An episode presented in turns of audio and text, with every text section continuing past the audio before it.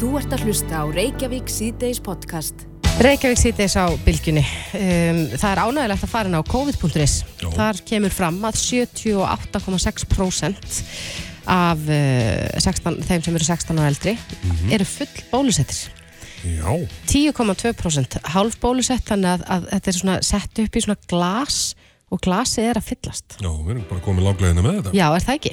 Sýnir Ég held að það hljóta að vera gleði fréttir en það finnum maður það líka bara sko sumarið er, er það kom svona sumargýri fólk, margir í sumarfríi fólk að koma saman Mhm. og bara almennt mjög gaman svona ef ég ætla að vera þess að rýma en í dag var bólusett hérna í lögadalshöllinu og við sáum það í fréttum að, að Víði Reynsson, yfirlauruglu þjótt almannavarnadeildar, hann var bólusettur í dag og, og saði að þetta væri meiri hattar En á línunni hjá okkur er Ragnhildur Ósk Erlendsdóttir, framkvæmdastjóri hjúkurnar hjá helsugjastlinu á höfuborgarsvæðinu. Komdu sæl Ragnhildur. Komið sæl. Já, í dag var svona opinn dagur fyrir Janssen bóluefnið, ekki satt?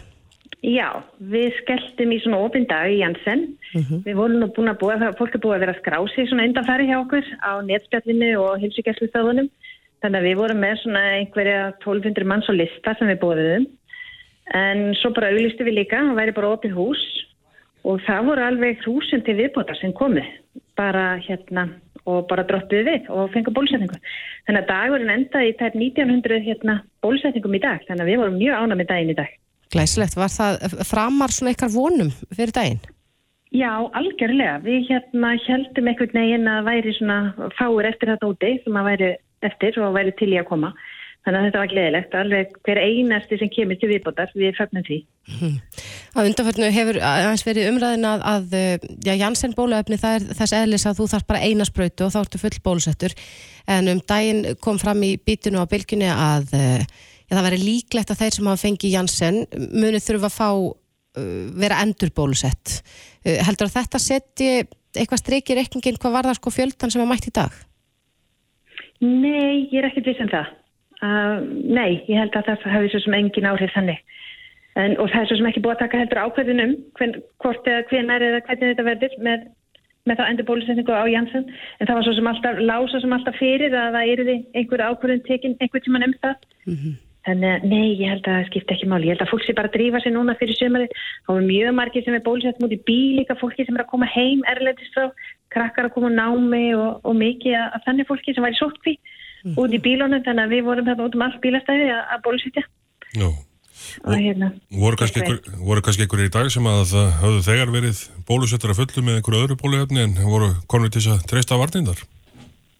En- nei, en frekar? það, það gengur ekki. Það gengur ekki, nei. Kerfið okkar það heldur mjög vel- utan um allar bólusetningar þannig að ei- eins og staðin í dag þá er til dæmis þriðja bólusetningin, hún er ekki búið Nei. En þeir eru nú ekki alveg farin í sömurfrí þannig okkur Ragnhildur.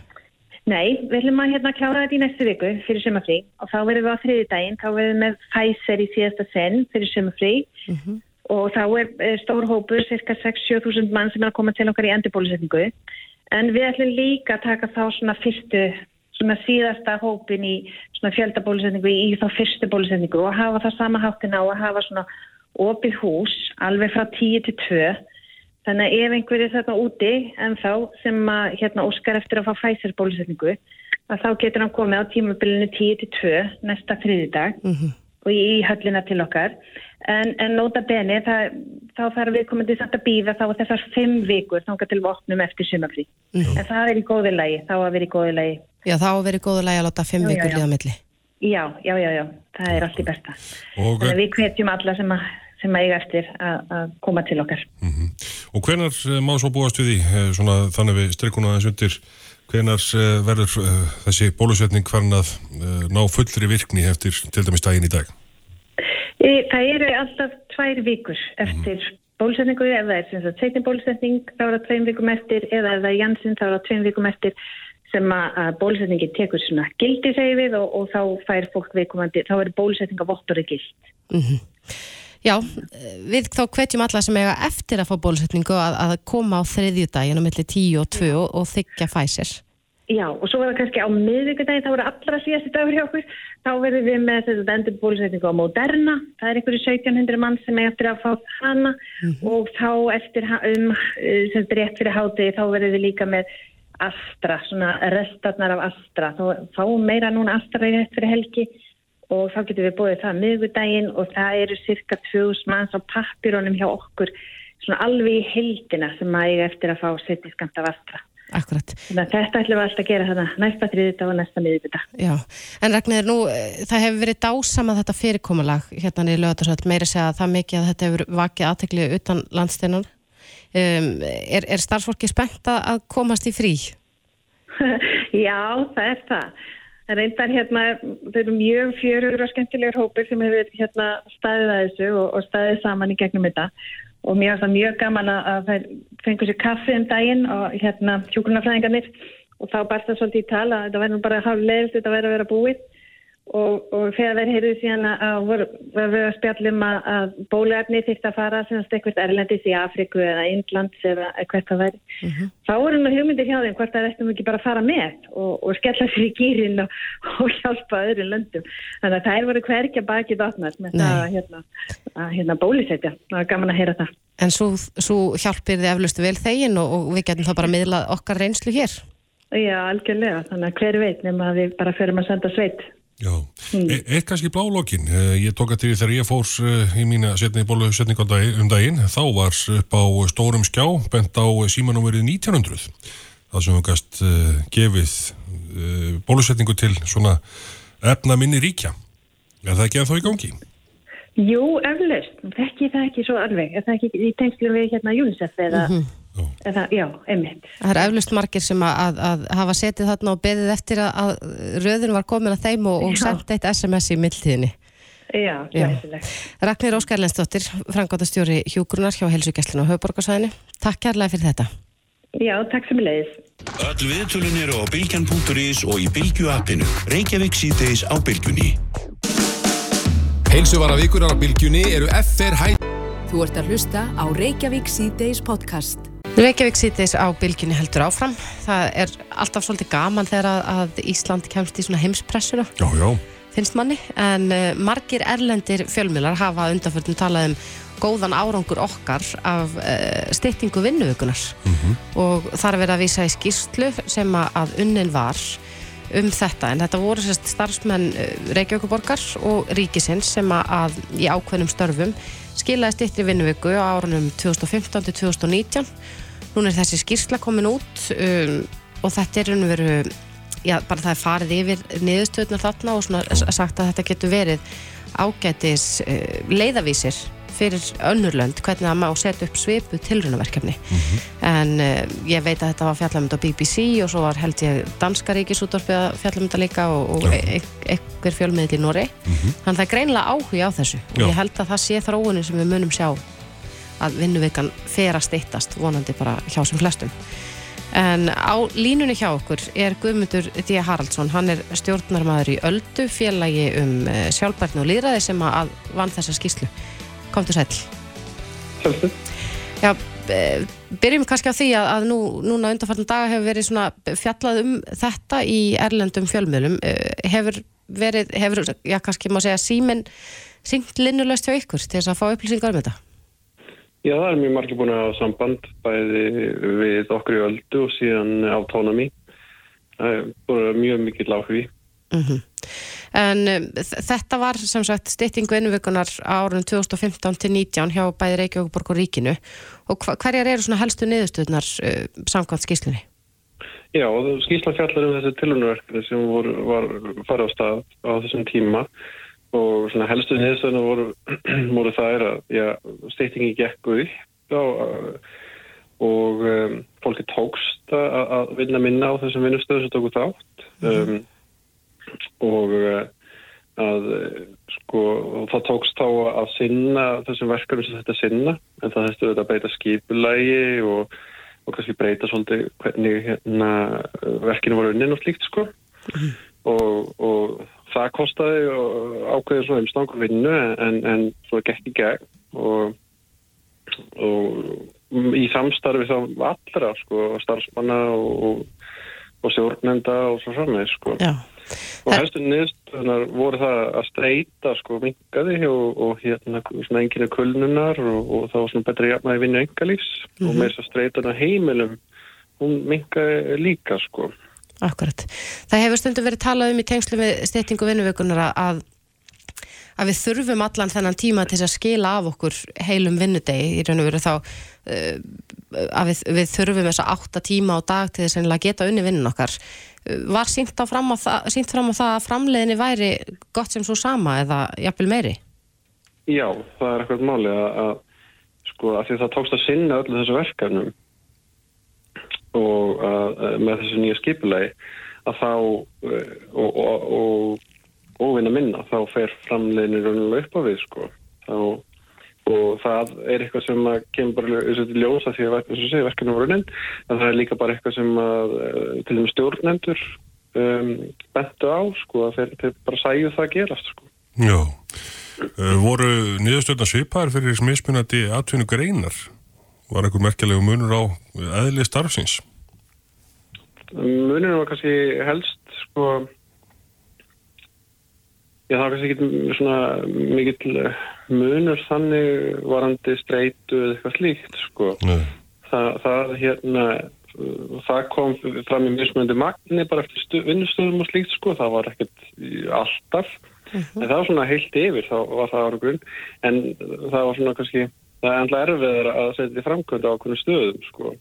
Sérstaklega -huh. kannski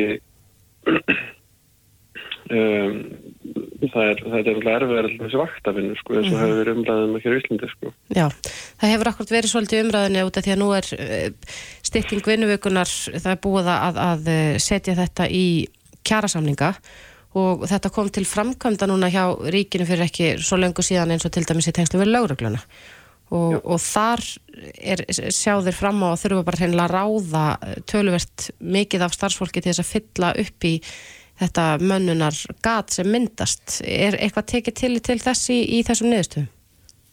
Eh, þessum niðurstöðu fjalla þessu tilverkanu voru gerðið fólkstum að því að kosta neitt augalega mhm. -huh. og, og í þessu tilverkanu var bara einn vinnustæðar í vakta vinnu sko mhm. -huh. og, og eftir því sem ég kemst næst þá, þá gekk það ágætlega ég það hérna um, en í raun og veru þegar þú þetta setja framkvæmd í miklu svona starra uh, í samfélaginu öllu eða þannig Já. þetta er miklu starri skala þegar við ræðum kærasamlinga mm -hmm. þá er þetta eh, koma inn fleiri vinnustæðar sem er kannski bara ekkert hægt mm -hmm. nema að fjölga starfsfólki Já. og ég myndi nú segja bara svona fyrir mitt leiti og ég held ég tala náttúrulega fyrir uh, aðra í þessu félagi sko að það er alveg réttlætanlegt af því að það er um að ræða lífsgæði fólk sem að vinnur vaktavinnu og vinnur erfið að vinnu uh mhm. -huh. og við getum alveg réttlætt kostnaður auka þar Akkurat. Fyrir þá hópa þessu auka þeirra -huh. um, um það á hagkerfi okkar að snúast það að snúast um, um lífsgæði fólks Akkurat en maður skildi hafa það í huga þetta er svona bara okkur balans þegar það er að ná þar Já, hversu mikil stytting var þetta guðmyndur sem að, að, að þessir starfsmenn sem að tóku þátt í, í tilrunni hversu mikið stittist vinnuveikan í klukkustundum talið? Þetta var allt frá 1 klukkustundu og 5 klukkustundur á viku mhm. eftir uh, vinnustöðum og, og, og starfi Og er það ekki rétt að, að laun viðkomandi skertust ekki við minna vinnuframlag? Já, það er rétt það er vinnustundir mm -hmm. en fólk var að sinna sömu vinnu enga síður þess vegna er hægt að borga sömu laun Já, já. Er með einhverju móti hægt að fara uh, of langt í, í hináttina? Það er að segja uh, stitta vinnum vikuna of mikið? Ég held að maður þurfa alltaf að, að hérna, gera þetta í áfengum, sko. Mm. Þannig að hérna, við, við náðum fram, við erum búin að vera að vinna, vinna því að stitta vinnu vikuna núna ekki enn kæra samninga og, og það sem að eh, er í gætti næstu kæra samningum það, það er kannski gert einhvern veginn öðru sig, einhvern öðru sniði, kannski myndum við nýta eitthvað framleiðni til þess að vinna minna eitthvað mm. svoleiði sko. En jújú, jú, það er alveg hægt að alltaf að ganga á land með allt. Ja. Þannig bara með allt í lífinu eða ekki. Akkurat. Ég þarna sá eitthvað tíman í grein sem ég lasa að þessi áttatíma vinnudagur hefur verið fundin upp fyrir einhverjum árhundruðum síðan þar sem að e, maður nokkur skiptir hennilega bara sólarhengum í þrengt sko vinna, leika, sofa nánast og telur þú að þetta sé orðið já, gamaldags að við séum ennþá að vinna 8 tíma á dag? Já, þetta er nefnilega, þetta er, er 19. aldar hugsun og þetta er upprunalega slagorð sem uh, gengur út á sko, 80 myndar, 8 tíma frísundir, 8 tíma svefn. Uh -huh. Og, og þeim tíma þótti það framústafnilegt. Okay. Þetta er upp þegar fyrstiðbildingin er komið gefir í Englandi og, og, og vinnustundi fólks uh, jökust mjög mikið út vegna þess. En sko við búum á svolítið mikið öðru tímum sem er dölust uh, meiri sjálfverkni og tæknin hefur, tæknin hefur flekt mjög mikið fram. Ég myndi segja já að það sé tímaskekkja að vinna 8 tíma vinnundag eða meira. Mm -hmm. um, en sko síðan koma kannski inn ákveðin, ákveðin störf eða ákveðin svið þar sem það er kannski bara erfitt. En það er það sem samfélagi þarf að kljást við sko. Já. Við munum sjá hvernig þetta þróast hér á landin en það er allavega ljósta að, að þetta tilhörnaverkefni gekk vel. Eh, Guðmundur D. Haraldsson, stjórnamaður í Öldu, félagum Sjálfbærn og Lýræði. Takk kærlega fyrir þetta. Takk kærlega fyrir mig. Bless. Hlustaðu hvena sem er á Reykjavík C-Days podcast. Við höldum áfram í Reykjavík C-Days og um, það er alveg hægt að sjá það. Ég er núna í hópspjalli með vinkunum mínum að, að reyna að finna dag til þess að hittast. Jó og það gengur alveg sko sögulega illa út af því að samfélagið er farið á fullt aftur, að koma með plön bara nánast út sömarið já. og þessu fylgir líka að, að fólk er farið að gifta sig aftur mm -hmm. það voru nánast engin brúðkaup hérna, eða kannski hefur fólk gift sig en það voru allavega ekki brúðkaupsveistlur síðastlið eitt og halvt árið svo. og brúðkaupum fylgja þetta svona e, alls konar fyrirparti, gæsanir og stegjanur og því umlikt mm -hmm. ég var að heyra af e, á, áhugaverðir nálgun á, á sko skemmteatrið í gæsun. Já. og þetta er fyrirbyggjandi hjónabaldsráðgjöf í formi uppistands. Já, bara nú rétt fyrir. Já, ég held að, að sko tími stripparana sé kannski búinn. Allavega í byli, mm. en nú er fólk farið að bóka til sín eh, já, para og fjölskyldu með þeirra fræðing sem að er með uppistand sem er svona fræðsla, í formi fræðslu mm. um, fyrirbyggjandi hjónabaldsráðgjöf. En hún Kristín Tómasdóttir er hingað til okkar komin kom til sæl Sæl. Já, þú ert að bjóða upp á þetta fyrir gæsanis. Að, að... Já, það gerst eiginlega bara fyrir algjörða tilvíljum, sko. Þetta var svona lokaverkefni mitt í, í námi í fjölskyldumæðferð. Þá hugsaði með mér ég get skrifa leðilega rítgerð eða ég get bara skrifa uppistand sem er skemmtlegt og það er rosalega gaman að skrifa það og, og gefandi en það er alveg opbóðslega vomt í framkvæmt. Já. Rosalega vomt að standa fyrir fram á fólk sem býður bara eftir og segir eitthvað fyndið. Mm. En, en já, ég hef svolítið verið að hérna, nýta þetta núna. Uh, og fólk er að byggja um þetta í gæsanir og saumaklúpa og svona. Og þá er ég með uppistand þar sem, ég, sem byggja á bara raunverulegum heimildum og staðrendum um svona hjóna og paramál og svo tekið við spurningum um svona ástarmál í lokin sko. Akkurat.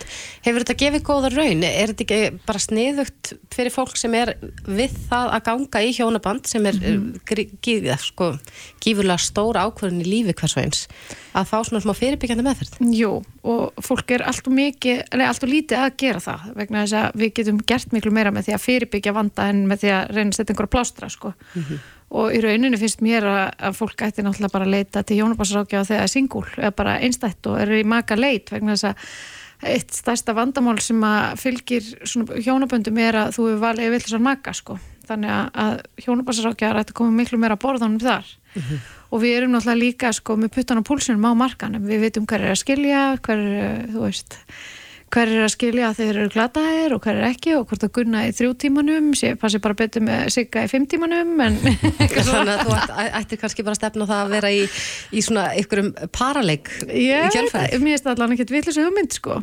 Já, það hefur ekki komið fyrir hjá þér ennþá að einhvers brúður, tilvonandi brúður hefur hugsað með sér þegar þú hefur talað yfir hópin, já, er, þetta er ekki maður fyrir mig. Sko ég hef ekki lendið að brúðurinn eða gæsin sjálf sé það, mm.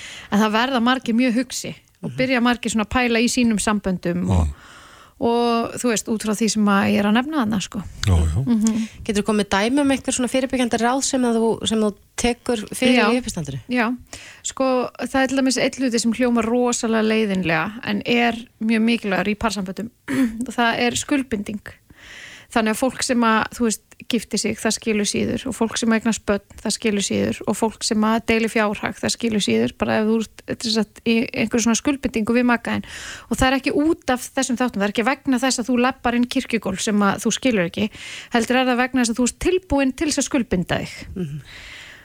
Og ég er svolítið að gera grína að þessu, þú veist, ef fólk er svona veltaði fyrir sig hvort það er að skilja eða ekki hvort það ætti ekki bara frekar að gifta sig því það er miklu skemmtilega að gifta sig, skilur mm -hmm. og ef þú giftið þig þá skilur þú síður og sem er náttúrulega svolítið þversaknakent að ef þú ert að pæli að skilja þá væri kannski bara ráð að gifta þig mm -hmm.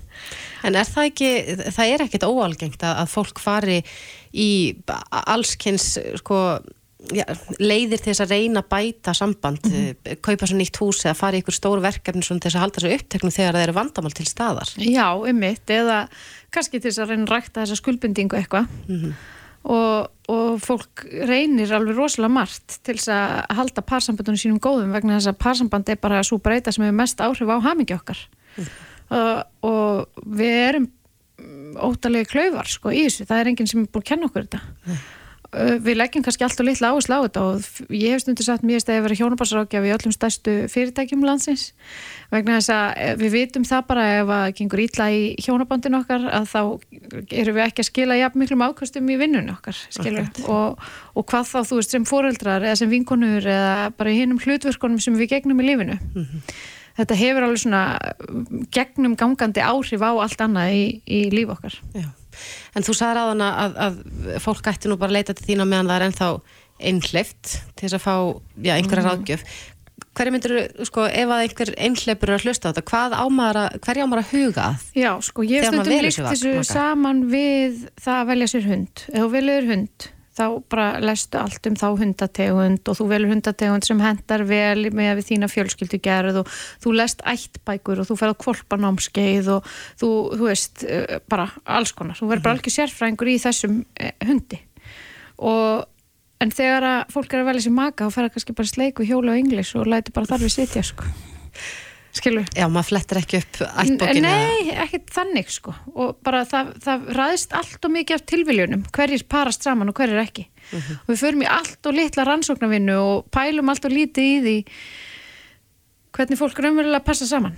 Af því það er bara mjög misjamt og það vex ekki á hvaða strái sem er að hitta maka sem þú svona smelt passar við.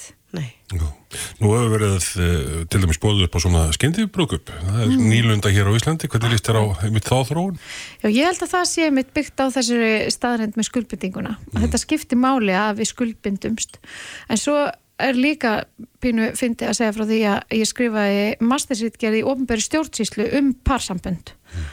og það er fyndi að því leita að hljóma svo leðala en við erum hérna sem uh, bara kerfi, ofnbært kerfi, mjög háð því að fólk sé í pörum og gerum ráð fyrir því. Við gerum ráð fyrir því þegar við erum með unga börn á hann að koma til dagmum að við séum tvö að deila veist, dag, dagvistun og fæðingarólofi, við gerum ráð fyrir því að pör hugsa um aldra að fóreldra sína þegar þú veist árið farin á eldri, nei hérna eldleimli og hérna svo framvist, þannig að þú veist kerfið gerir líka ráð fyrir því, það er erfið að vera einn en að vera tveir. Mm -hmm. Já, en eh, það er nú kannski ekki endilega samt uppskrift af hamingju að, að gifta sig bara til þess að skuldbynda sig. Nei, bara síður en svo, að hljóma rópuslega leðilega, en það er líka að því að þú ert tilbúin til að skuldbynda þig. Mm -hmm þú ert tilbúin til að deila fjárhæð, þú ert tilbúin til að egna spött, þú ert tilbúin til að lappa inn kirkugólfi þannig að það náttúrulega virkar ekkit að lappa bara einhvað kirkugólf til þess að gifta sig til þess að fá einhver skuldbytningu, þú þarfst að vilja það. Akkurat, en uh, hvernig viðbröð færðu við uppistandi í svona hópum þegar þú ert fyrir framann hópa uh, konum í gæsun eða? Bara mjög góð viðbröð og hérna kannski vegna þess að þú veist þessi mál það er ekki að því ég er svo fyndin, það er bara þessi mál er bara svo fyndin. Mm -hmm. og bara sem hjónabansrákjafi þá lægir mjög mikið í vinnunum minni, það er rosa rosalega gaman hjá mér mm -hmm. og það er rosalega margt sem að kemur þar upp sem að er bara skemmtilegt og áhugavert og, og fólk er grína sjálfu sér og sambandur sínu þó svo að það komi líka mjög erfimál og sorgleg, sorgleg mál sko mm -hmm. Já, þetta er áhugavert og, og, og skemmtileg nálgun á eitthvað sem að getur hljómað já, erfitt og leðilegt mm -hmm. Kristín Tómasdóttir, para og fjölskyldu með fyrirfræðingur Takk kærlega fyrir komuna Takk fyrir mig Reykjavík síðdeis á bylginni Reykjavík sýtis heldur áfram. Ég held að, að það far ekki, ekki farið fram hjá neinum að frisbeegolf er mm. ansið vinsælt hérlandi. Já, já. Ég hef séð að ég var til dæmis á flúðum, þar er uh, komin völlur og mann finnst þess að maður sé að reyka augun í þessar körfur svona nánast hvert sem það fer. Já, já, það eru bara svona þessir garðar sem eru oft í eh, bæjarfélugum eru vel nýttir undir einmitt akkurat þetta. Akkurat.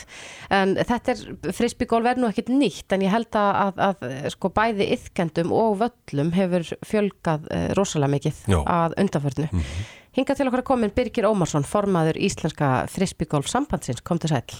Selvert. Ég er ekki hægt að, að segja það að vinsaldnar hafa aukist? Jó, heldur betur.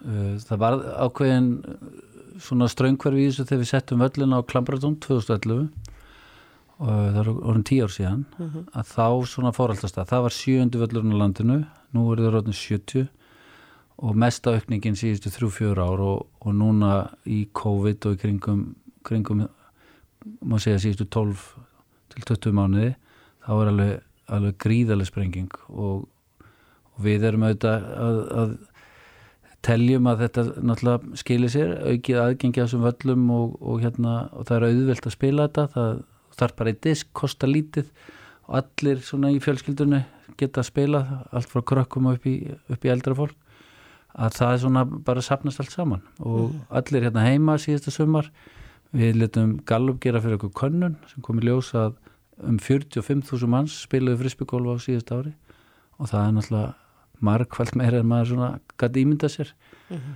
og sérstaklega skemmtilegt hérna í Reykjavík að, að svona aldurinn sem er svona kannski viðkvamur aldur sem er kannski ekki mikið í íþróttum kominir út úr barnastarfi 18 til 24 ára að það var helmingurinn á þeim sem að, sem að prófið frisbygólfu síðust ári sem er náttúrulega algjörlega magnað sko Já, þetta er líka bara góð bæði sko útvist og reyfing í þessu sporti. Já, þetta er þetta svona kannski besta líðhelsa sem hún finnur. Þetta er svona göngutúr með tilgang og tekur vinnina með og það er verið að spjalla og ódýrt að komast inn í sportið og auðvelt. Allir geta lært að kasta frisbytisk.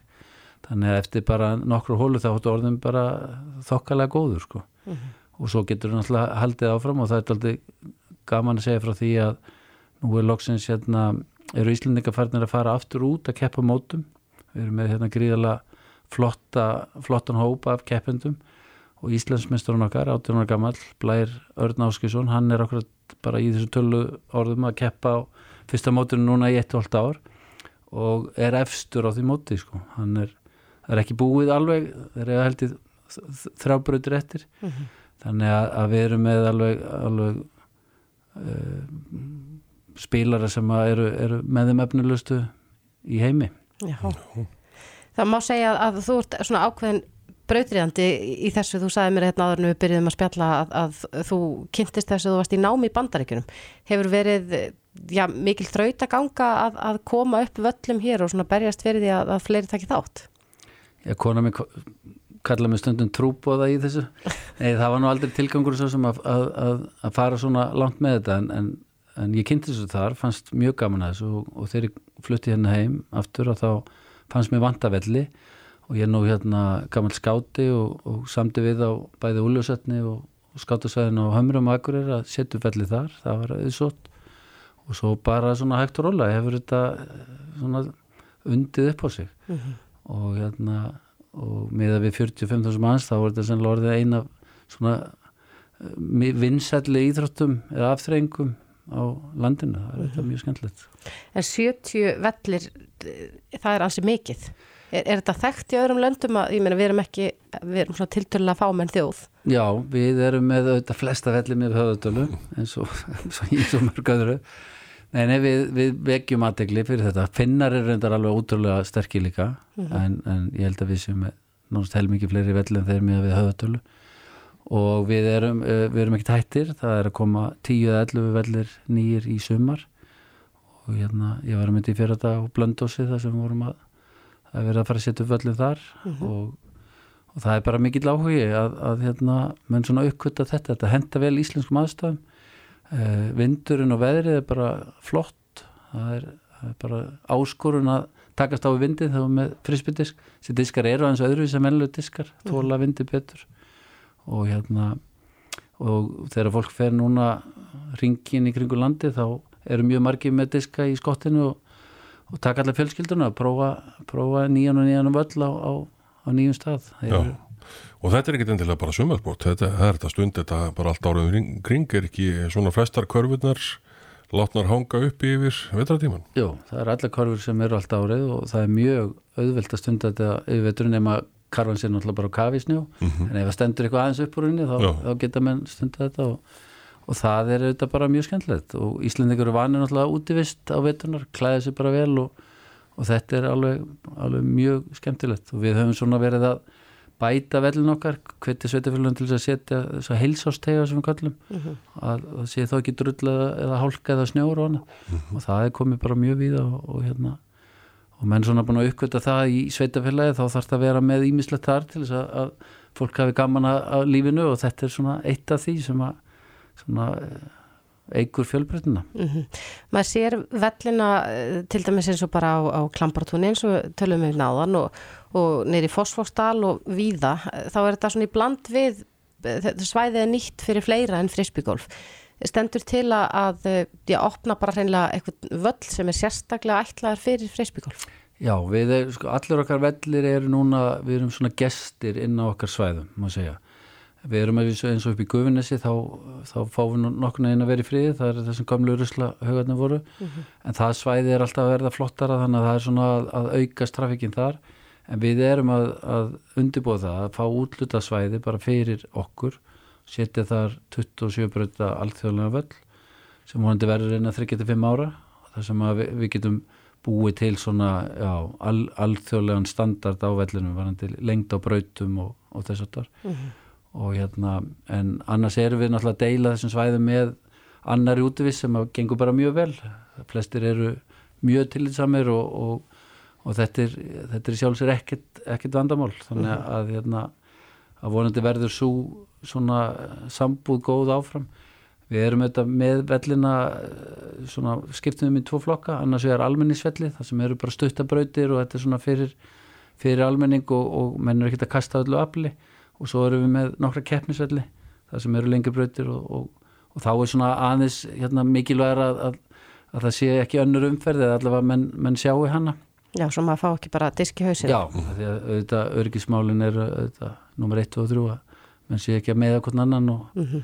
og þetta fer ákveðlega saman það er nú víða, ég stundur nú gólf líka það er nú víða það sem að göngustíðar eru sérstaklega þegar maður var að byrja þessu og kúla maður að fara út um allt þá leys maður nú ekkert á það eins og upp í korpu mm. sem eru göngustíðar alveg við vellina mm. og jáfnveil við svona byrjenda vellina en, en þetta fer einhvern veginn allt vel og, og, og mjög lítið um óöpp í þessu Já, þetta er spennandi og þú segir að hver sem er getur lært að kasta frisbyðisk Já, og, og við erum við höfum haldið tölvöld að krakkarnámskeum uh, leið og krakki er farin að geta kasta hlutum, mm -hmm. þá mhm. getur hann raunin tekið þátt og í næstu viku erum við fyrst geta bjóðið bara námskeið fyrir eldriborgara, mm -hmm. erum við samstarfið við þá því að það er svona komin vakning að þetta geti henda þeim og núna í nokkur ára á hellu að þá hefur sko hópur eldri borgara farið tvísari viku, rölt ring og, og spilað Já.